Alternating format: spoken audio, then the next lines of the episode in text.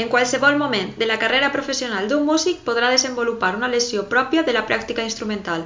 Heu hagut de canviar hàbits per millorar la vostra postura corporal? Quins són uns bons hàbits per al nostre benestar físic i mental? Avui parlem de les lesions i la salut mental. Benvinguts i benvingudes.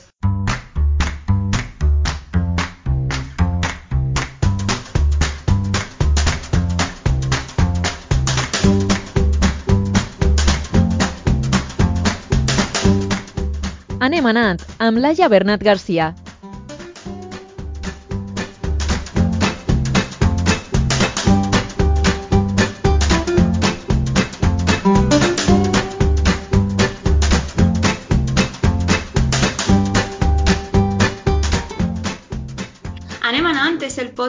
Músic professional i parlarem amb rigorositat del que envolta la música. Avui parlem de les lesions comuns i la salut mental en els músics. Per això hem convidat a experts en la matèria.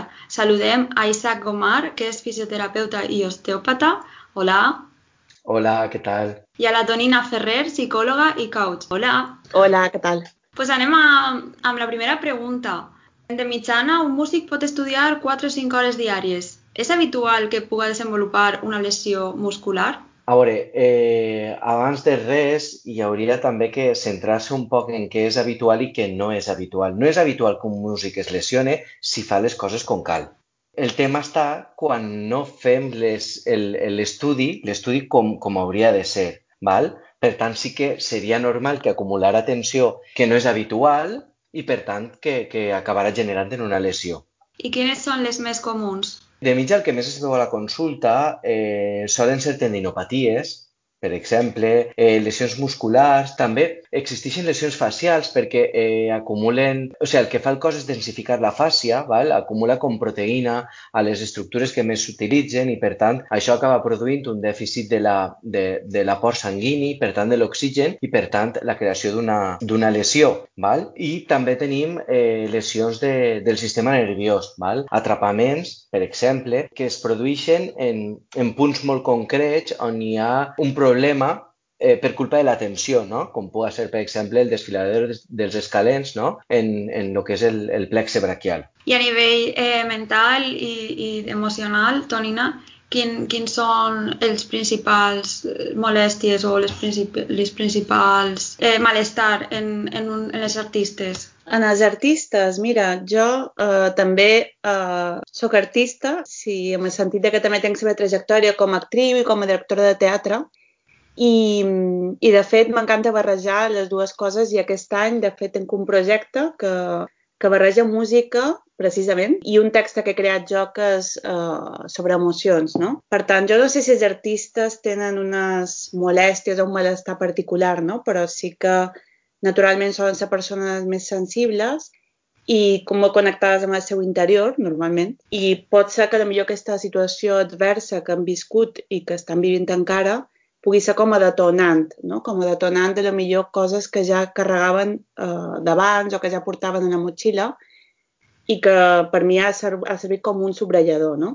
Concretament, quins malestars? A veure, mm, suposo que la incertesa, aquest moment de la supervivència que estan vivint, eh, doncs pot generar estrès, pot generar problemes d'autoestima, problemes de... bueno, sobretot de gestió emocional, no? Perquè quan està un moment de canvi, de crisi, són les emocions que es disparen, no? Però que ho poden utilitzar com a material creatiu per poder crear alguna cosa artística, no?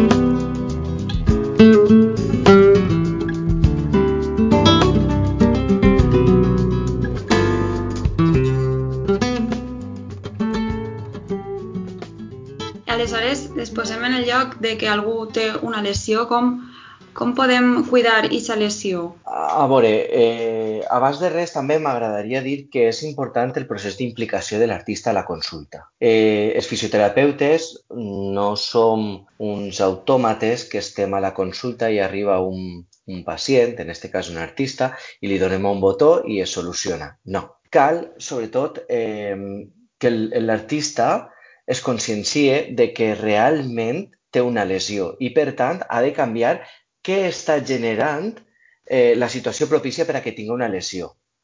Val? Per tant, clar, el treball que es fa a la consulta no és només l'abordatge que li fem al, a l'artista. Però sí, sí, sobretot hi hauria de portar un programa de prevenció, un programa de nutrició, una correcta, o sigui, una correcta, no sé com explicar-ho ara mateix, però eh, un, rutina de la son, per exemple, també és molt important per a la curació de lesions, Val? I ja, sobretot, el que t'he dit abans, que seria també important, entrar molt en la, en la dinàmica de l'estudi. Val? I, per tant, evitar, evitar qualsevol tipus de, de tensió innecessària que puga fer, el, no només en, en músics, sinó també en actors, conforme estava dient la Tonina, eh, la, la gestió la gestió de les emocions mm, també afecta a nivell físic i, i de, forma, de forma molt, molt, molt important. Val? Per tant, també hi ha que contrarrestar si, per exemple, eh, una persona està interpretant un paper d'un personatge no? que, és, que, és, que té com una, com una tristesa dins, sol ser eh, sol portar un patró en flexió, un patró més tancat. Val? Per tant, a la consulta hi hauria que treballar moltíssim el patró extensor, val? perquè aquesta interpretació no acabe formant una tensió innecessària. Estava comentant Isaac, la part emocional, Tonina, és important cuidar-la, no?, també. Molt, molt. Jo, mira, quan vaig obrir la consulta, uh, clar, en principi estava com més orientada a tractament, no? però cada vegada estic amb el que diu l'Isaac de prevenció, és a dir, jo me considero especialista en benestar i desenvolupament personal i estic super focalitzada amb això, amb la salut emocional, no? I que ens hem de cuidar igual com anem al gimnàs, igual com ara hi ha tota una corrent d'alimentació conscient i ecològica, també hem de cuidar de les nostres emocions perquè afecten en el físic eh, directament i afecta també eh, a la qualitat de vida que podem viure, no? I de lo satisfets o no, i de lo feliços que som o no quan, quan tenim una lesió i tenim un concert eh, o un, una data que no podem canviar i, i anem a, al fisio, eh, fins a quin punt ens ajuda a continuar l'activitat o hem de fer repòs o, o és un repte? Com, com enfocaríem això? A veure, eh, jo no sóc partidari del repòs, val? Haurien de reposar si hi ha una fractura. Val? Si, si tenim inclús un esquins, sí que podem limitar el moviment, el moviment que està lesionat, però el cos ha de moure i, per tant, la funció deu continuar. Vull dir, és, és molt clar, és molt clar que, que hem d'anar un poc abordant aquesta línia. Sí que eh, una cosa que és important i que, i que jo recalque molt, sobretot als, als pacients a la consulta, és que un futbolista, per exemple, no arriba i comença a pegar-li un xut al baló. Val? Per tant, si tu calfes, si escalfes molt bé, eh, sí que pots posar el, el, el teu cos al, al, al nivell que tu li demanes. Sí que si tens una lesió, està clar que, a veure, si tens, per exemple, no sé, eh, eres trompista i tens una lesió al llavi, sí que te va perjudicar en una, en una activitat. Ahí sí que no hi ha forma de poder-ho solucionar. O sí que a lo millor el parche que li puguem posar és molt limitat, però, però si tens, per exemple, una tendinopatia, ahí sí que es pot treballar una tendinopatia al muscle, al muscle, perdó, al, al colze, per exemple. Vale? Ahí sí que podríem un poc trampejar a la consulta per a que tu pugues tocar. Ara, és el que torne, el, el que torne a dir abans. La curació de la lesió no queda en el que hem fet a la consulta. Val? Per tant, una volta després de la data esta que no podíem canviar, sí que hem de fer el canvi conscient. So, és molt exigent eh, el perfeccionisme dels artistes, Tonina, en aquest aspecte, en, en, en nosaltres mateixos? A veure, mm, podria ser que hi hagués exigència, no? Perquè, a més, però bueno, puc suposar que, que sí que té molt d'autoexigència, això sí. Però sí que que la relació entre l'exigència i la creativitat, no? perquè clar, la música sí que jo som estudiant de música, també en especial el que vaig deixar per exigència, per exemple. No? Sí que veig que és una feina que, clar, de tècnica no? és molt dura, realment eh, dona molt d'estrès, no? i a lo millor cap aquí, clar que l'exigència no és la manera més adequada per aconseguir bons resultats. No? Hi ha altres maneres, perquè l'autoexigència és perfeccionisme el que fa, pareix que el que vol és treure lo millor, però està comprovat que hi ha altres maneres molt més saludables, no? com l'automotivació, l'autoestima, l'autocompassió, eh, intentar l'excel·lència, no? més que la perfecció. Cada dia fer-ho una mica millor i fer-ho el millor possible. No? En canvi, la perfecció te posa en un, en un límit d'edat que mai no arribaràs, que no estàs satisfet i te dona frustració, no? Però, però clar, així que jo crec que sí que doba autoexigència bastant i que té bastant de problemes d'ansietat i, de, i de falta d'autoestima. Per tant, jo recomanaria això, anar transformant aquesta autoexigència amb autoestima i amb automotivació, no? Anem a parlar dels bons hàbits. Com seria uns bons hàbits per a previndre lesions? A veure, eh, el més important, conforme estava dient, era portar un bon hàbit d'estudi. Val? És important que es faci un bon escalfament. L'escalfament ha de ser corporal, però corporal també facial, sense instrument. Després hauríem d'escalfar amb instrument. Hauríem de començar, per exemple, amb les escales, passatges eh, que no tinguen ninguna, ninguna complicació, val? passatges que ens sapiem de memòria, sobretot perquè és important que, que, que li, que li prestem molta atenció a la postura en aquest moment, on estem carregant, on estem posant una tensió que és innecessària. Per tant, és el moment d'eliminar val? aquestes tensions. Després també és molt important visualitzar abans de l'escalfament. Què vull, què vull aconseguir amb aquest escalfament?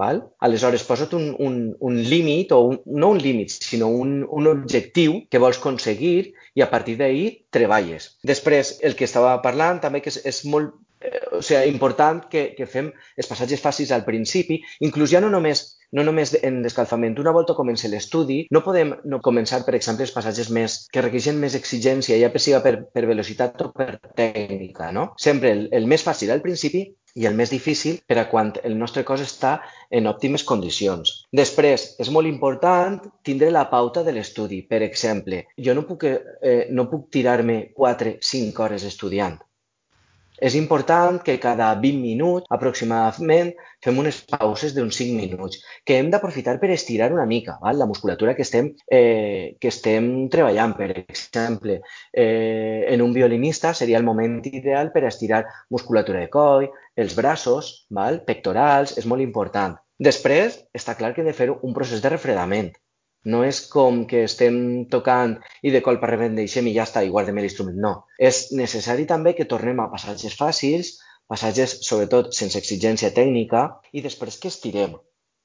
Això és superimportant. Seria un bon, un bon patró. També eh, hi ha que tindre una pauta diària. No puc estudiar avui 5 hores i demà cap. És molt important que portem una pauta eh, sovint, no? Un, una rutina. Eh, Ara estava pensant en els bons hàbits mentals, és el que estava. Mm. Els bons hàbits mentals. Sí, a veure, uh, jo crec que passa que sabem com cuidar el nostre cos, encara que no en tant de detall com ens ha explicat ni, ni Isaac, no? I els especialistes i també... Però les nostres emocions, el nostre món intern, no, no? I jo crec que, així resumint, o sigui, per cuidar la, la nostra ment, no? el que hauríem de fer és primer Uh, ja ho sabem que meditar és uh, molt important, no? Perquè el que t'ajudarà és, uh, sobretot si estudiau molt i això, és a poder fer, baixar un poc el nivell mental i aquesta hiperactivitat que duim i facilitar molt la concentració, no? I també és un exercici que ajuda moltíssim. Però també a nivell de pensaments hem de ser conscients de que els pensaments que tenim són la nostra responsabilitat. Uh, I seria pues, cuidar un poc aquests pensaments, uh, com gestionar els pensaments negatius, per exemple, que ens poden fer sentir pitjor, i fer dieta mental, no? que jo dic, és a dir, també triar quina informació t'entra, no? Hi ha informació que és nutritiva, no? I tu crea form, uh, informació d'aquesta que és nutritiva, que te poses les piles, que te fa estar motivat i que t'ajuda a seguir endavant. També l'autoconeixement seria molt important, no? Dedicar un temps a qui ets, què t'agrada, quina és la teva passió, quines són les teves habilitats, les teves debilitats, no? Tot això ajuda molt i sobretot les emocions, no? Que seria... Són aquestes lesions que xerràvem abans, no? És a dir, una lesió al final, Isaac, supos que t'avisa de que alguna cosa interior no va bé, no? És a dir, si tu et fa mal aquí, el dolor t'avisa d'un problema. El problema sempre. no és el dolor. El dolor, el dolor sempre és un símptoma d'alarma. Significa que alguna cosa no està bé i, i el que hem de fer és posar-li atenció al que no està bé.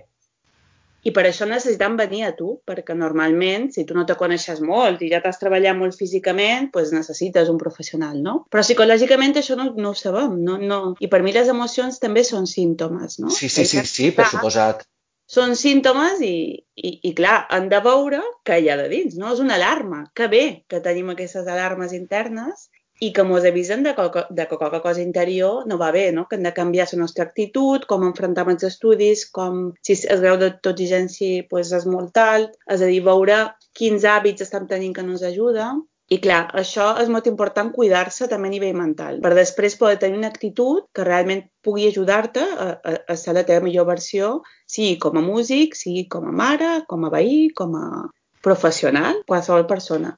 De fet, un, un dels exercicis que jo faig molt en actors també és l'estirament del, del diafragma val? I, de la, i de la cadena anterior, sobretot per la gestió de les emocions. Jo sempre recalque, sí, està molt bé, jo vos, jo vos ensenyo aquest exercici, que vos haurem de superbé, però sobretot quan teniu un canvi de paper, mmm, quan heu acabat eh, un, unes funcions, és important que aneu al psicòleg. Heu d'anar al psicòleg perquè la gestió de les, emocions és super important. No podeu començar de nou si no heu tractat la part psíquica, saps? És una cosa que jo, sobretot, els, els recalque molt. És que és molt important. Jo, de fet, dic, sempre faig aquesta com a metàfora, consulta, no? Que, que jo crec que nosaltres, és a dir, ara la millor, bueno, jo ho explico que és com si eh, nosaltres fóssim com músics, no? I que venim aquí amb tres instruments, no? Un que seria el nostre cos, l'altre que seria la nostra ment més mental de pensaments i l'altre que seria les nostres emocions, no? Uh -huh. I aquest músic o música pot ser, jo que sé, l'ànima, la consciència, la força de voluntat, el que tu li vulguis dir. Però quan més, tres, més afinats tinguis aquests tres instruments, quan més tu coneguis el teu cos, eh, el tinguis a punt, no? i la teva ment i les teves emocions, millor podràs tocar la melodia que tu vulguis tocar, ¿vale? que, que és una metàfora, però i crec que és molt important el treball complet. El que passa és que només els psicòlegs pareix que estem com per posar parxes i, i a més encara està mal vist aquí a Mallorca, jo no sé per allà, però aquí encara està molt mal vist en els, en els psicòlegs. La gent s'amaga per venir a consultar. I mm. és una pena perquè realment és com anar a una formació sobre tu mateix. I un artista Clar. jo crec que s'ha de conèixer perquè Clar, si no, més... no podrà expressar el que porta dins. A més, és molt important el treball multidisciplinar. També. És, és bàsic, és bàsic. No podem, no puc, o sigui, un artista no es pot tratar només la part física i deixar-se la, la, la psíquica. O sigui, han d'anar eh, agafades de la mà. Totalment. Igual com quan parlem, per exemple, d'un cantant o d'un actor, també entra la logopèdia en joc és molt important. I en aquest aspecte també estàs connectat amb l'associació multidisciplinar de les arts escèniques, Isaac. Mm -hmm. És una associació que va, va sortir no, d'uns quants professionals, tots vinculats a les arts escèniques, i el que intentem sobretot és promocionar, eh, promocionar la salut integral no, de l'artista. Estem fent un treball, som psicòlegs, som nutricionistes, fisioterapeutes, podòlegs, que també és molt important, també hi ha metges, i el que intentem és abordar-ho, de forma que un artista, per exemple, que està a Mallorca o que està en talatonina, per exemple, a tractar-se, que arriba a València i necessita, i no està la tonina, que es puga posar en contacte i que des d'AMPAE se li puga facilitar una llis un llistat de psicòlegs o de psicòlogues que estan treballant amb artistes, saps? Sobretot és intentar, per una banda, de cara a l'artista, facilitar el, el poder trobar-nos els professionals i després intentar promocionar el que estem fent, no només de cara a l'artista, sinó, per exemple, treballar molt o intentar, sobretot, entrar dins de, dels conservatoris o de les escoles dels, dels actors, de que coneguen que estem ahí i de què és el que fem. Això és superimportant. I moltes voltes es dona un poc es, es queda un poc a banda, no? Perquè jo vaig estar l'any passat al, al Conservatori Superior de, de València, al Joaquín Rodrigo, i vaig fer una masterclass en cant. I aquest any m'han buscat per a flauta. Està molt bé, però no només hauria de quedar-se en anar, donar una classe, estàs 8 hores parlant sobre flauta i te'n vas. No. Jo crec que seria superimportant estar dins del conservatori. Inclús, no només donar consciència postural, sinó, per què no un alumne que te puga anar i que te diga mira, és que em fa mal el braç. Val. Jo, per exemple, als, músics a la consulta, jo us dic que, es dic que em porten l'instrument almenys les primeres sessions, perquè jo vull saber com se lesiona. O sigui, un músic ve a mi i em diu, és que em fa mal el braç, val, i què estàs fent? És que a lo millor et puc contar, per exemple, el cas d'un violinista o d'una guitar d'una guitarrista que venia amb, una, amb un problema a la mà esquerra i després d'explorar-lo, el seu problema era, era per un bruxisme, perquè estava apretant les dents per la nit. Clar, per això és important veure-lo en el seu mitjà i no... Si ens deixem això, ens estem deixant més del 50% del que és el músic. Per això és important reivindicar la figura del professional sanitari dins dels, de les escoles, de les escoles, dels conservatoris, mm, he dit escoles perquè incluïa escoles de, de, de música i escoles també d'actors. Perquè, perdoneu la pregunta, perquè ara que dius això, Isaac, m'estàs aquí motivant per anar-me'n aquí al Conservatori de Palma a veure si hi ha qualque cosa de psicologia, perquè vosaltres entenc que, no sé si teniu alguna assignatura d'autoconeixement o gestió emocional, no crec. Sí, el conservatori sí. fa consciència corporal, però no molt, no molt. Clar, una, una de les coses importants també és això, vull dir, el que tu estaves dient. Jo al, a Palma, per exemple, sí que sé que, que està la figura del fisioterapeuta al Conservatori de Palma. No sé si el, el psicòleg està, això no t'ho puc dir, val? però, però a València no existeix, no existeix aquesta mena d'assignatura.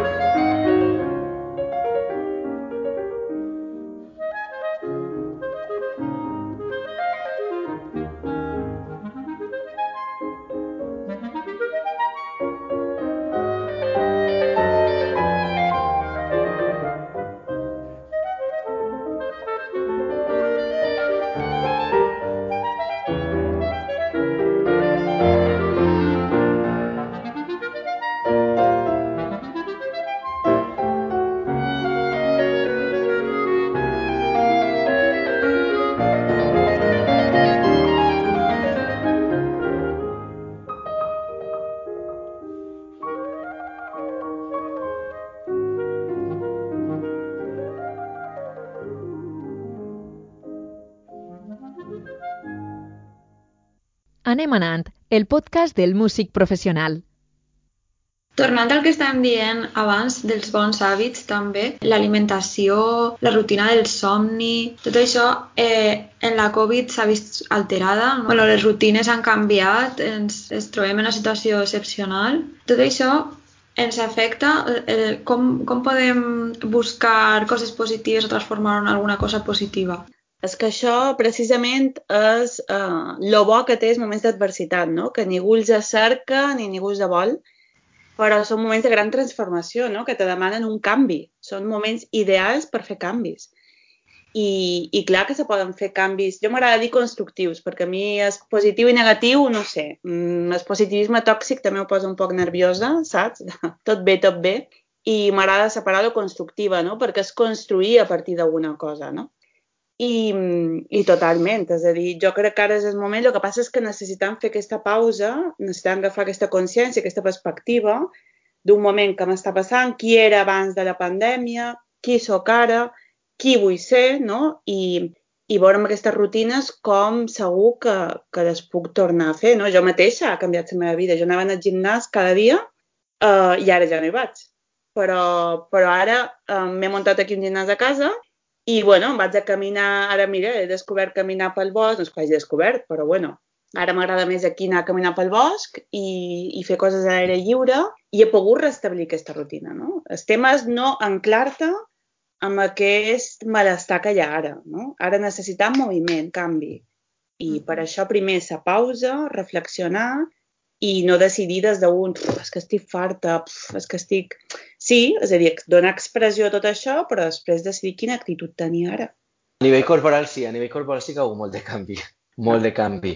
No només, no només en artistes, sinó en, en, en gent que no és artista, perquè, perquè no és, són els mateixos mitjans els que tenim a casa, que és que tenim al treball, o en aquest cas és que tenim a, al conservatori. Sí que està clar que, que un músic a casa estudia molt no és només l'hora de classe, però sí que eixa falta eh, pot ser de que el professor estiga damunt, que també no sempre la posició correcta és la que el professor indica, però bueno, això ja és cosa de que jo no vaig a entrar, no? Però, però sí que pense que molts canvis, Laia, tu com a músic ho hauràs vist, no? Que quan canvies de professor és com que mm, el que has fet no servia, no? Mm -hmm. Aleshores, aleshores la, la postura perfecta no existeix. Sí que és una combinació en, en la qual has de trobar-te eh, relaxat, sense tensió, i has d'estar còmode, que no és el mateix, val? Sí que el professor te pot donar unes pautes, però no té per què ser malament. I jo als que sí que m'han consultat els he dit, eh, per favor, és molt important que estudieu davant de speech, que es mireu, ja que no tingueu ninguna figura que vos estiga dient baixa el muscle o no facis això o fes-ho de l'altra forma, és important que es, que es mireu a l'espill. Per tant, això junta la, la consciència corporal que ha de tindre cadascú que per això també és important el que deia la Tonina, sobretot el, el, el conèixer, que és superimportant, i que pense que, no, que pràcticament ningú es coneix, pense que hauria de ser Hauria... Sí, sí, sí, totalment d'acord. És que no es dedica que... temps en això, és que no es dedica no. temps a això. No. Fa molta, jo... por, fa molta por mirar dintre i mira què va passar amb la pandèmia quan va haver a principi de confinament, tothom va començar a, a, a fer, a fer, a fer, no? Enviar coses per fer, d'activitats i això a casa, a casa per no enfrontar-te amb tu mateix. És a dir, ens costa sí. moltíssim. Clar, jo és una de les coses que es pregunta sempre a un músic i dic, si li preguntes a un futbolista com funciona el seu cos, sí que ho sabrà. A veure, no sabrà com funciona la fisiologia muscular, però sí que sabrà quins músculs ha de contraure i que no només es limita a la cama. Però, en canvi, quan tu li preguntes a un, a un pianista sobre anatomia, no sap, no es coneix. I sí que teniu anatomia al conservatori, no, Laia? Sí. Mm. sí, sí, sí. Sí, però no ho recordes. Com no ho recordo la majoria de gent. Per això és molt important conèixer, conèixer l'anatomia i conèixer com funciona el nostre cos. I per tant evitarem la majoria de les lesions, siguin Covid o sense Covid. Per a conèixer interiorment, Tonia, tu també has, has utilitzat la part artística, ens comentaves abans que tens un espectacle, ens pots contar un poc més? Sí, és un espectacle que, bé, és un diàleg entre tres elements.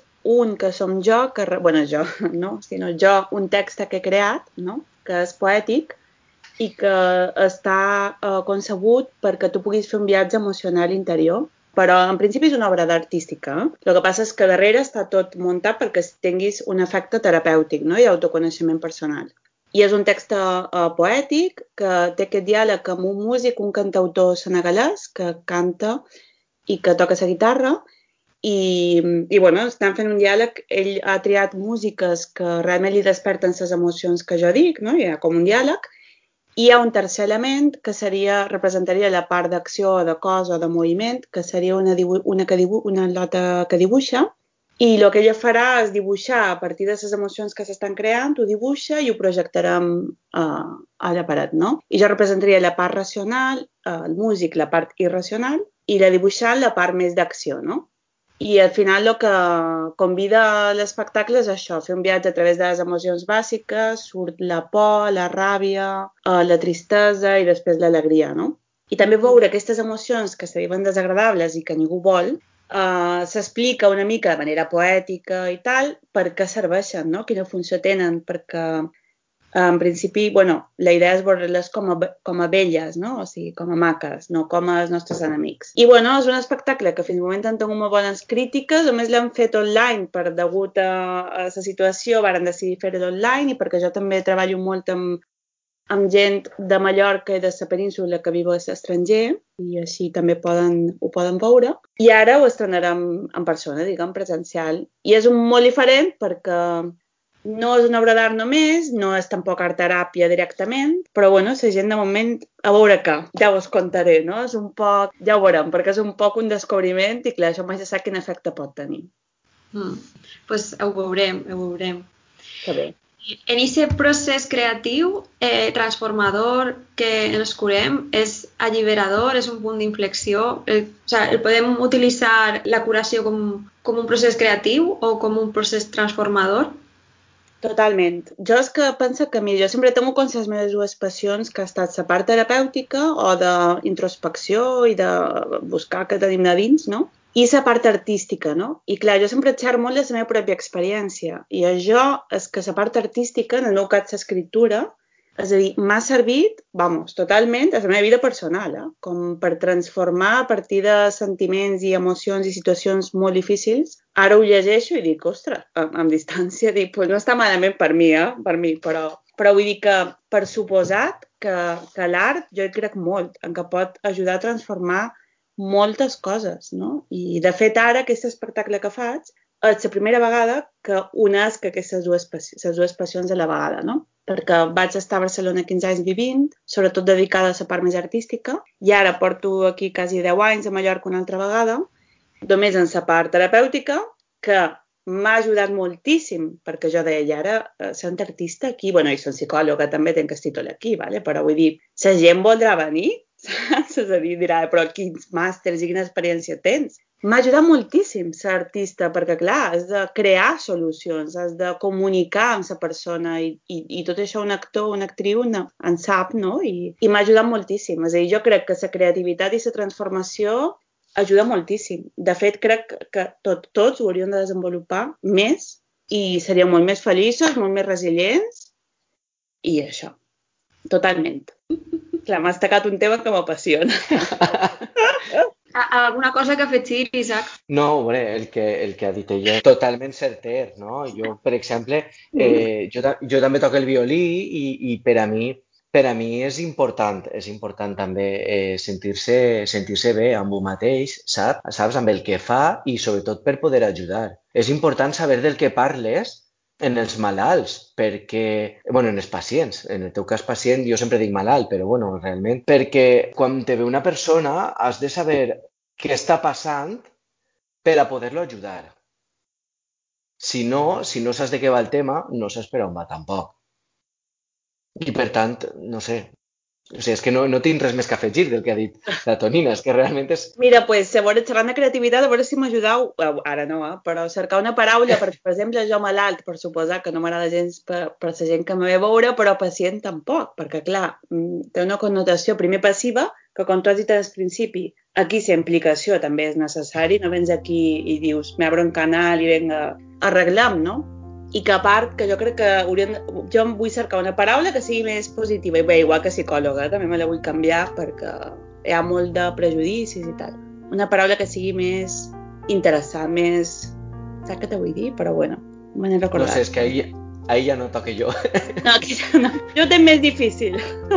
Ho deixem en l'aire a veure si algú, algú vol, algú vol col·laborar. Artistes, vos posaré al final.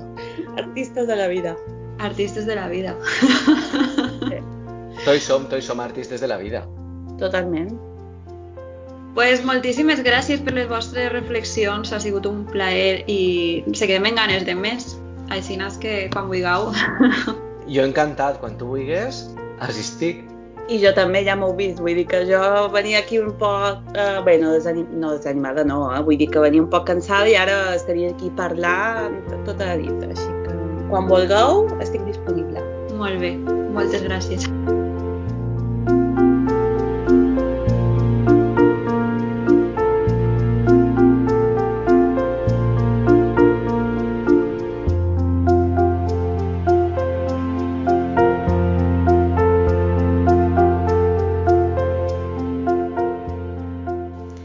Així el capítol d'avui. Ens acomiadem del programa, però podeu seguir connectats a Instagram, Facebook i Twitter i escoltar altres capítols en les plataformes de podcast com és Spotify, Evox, Anchor, Google i Apple Podcasts. Nosaltres tornarem la setmana que ve parlant de la musicoteràpia. No us ho perdeu. La que vos parla és Laia Bernat. Que tingueu una feliç setmana.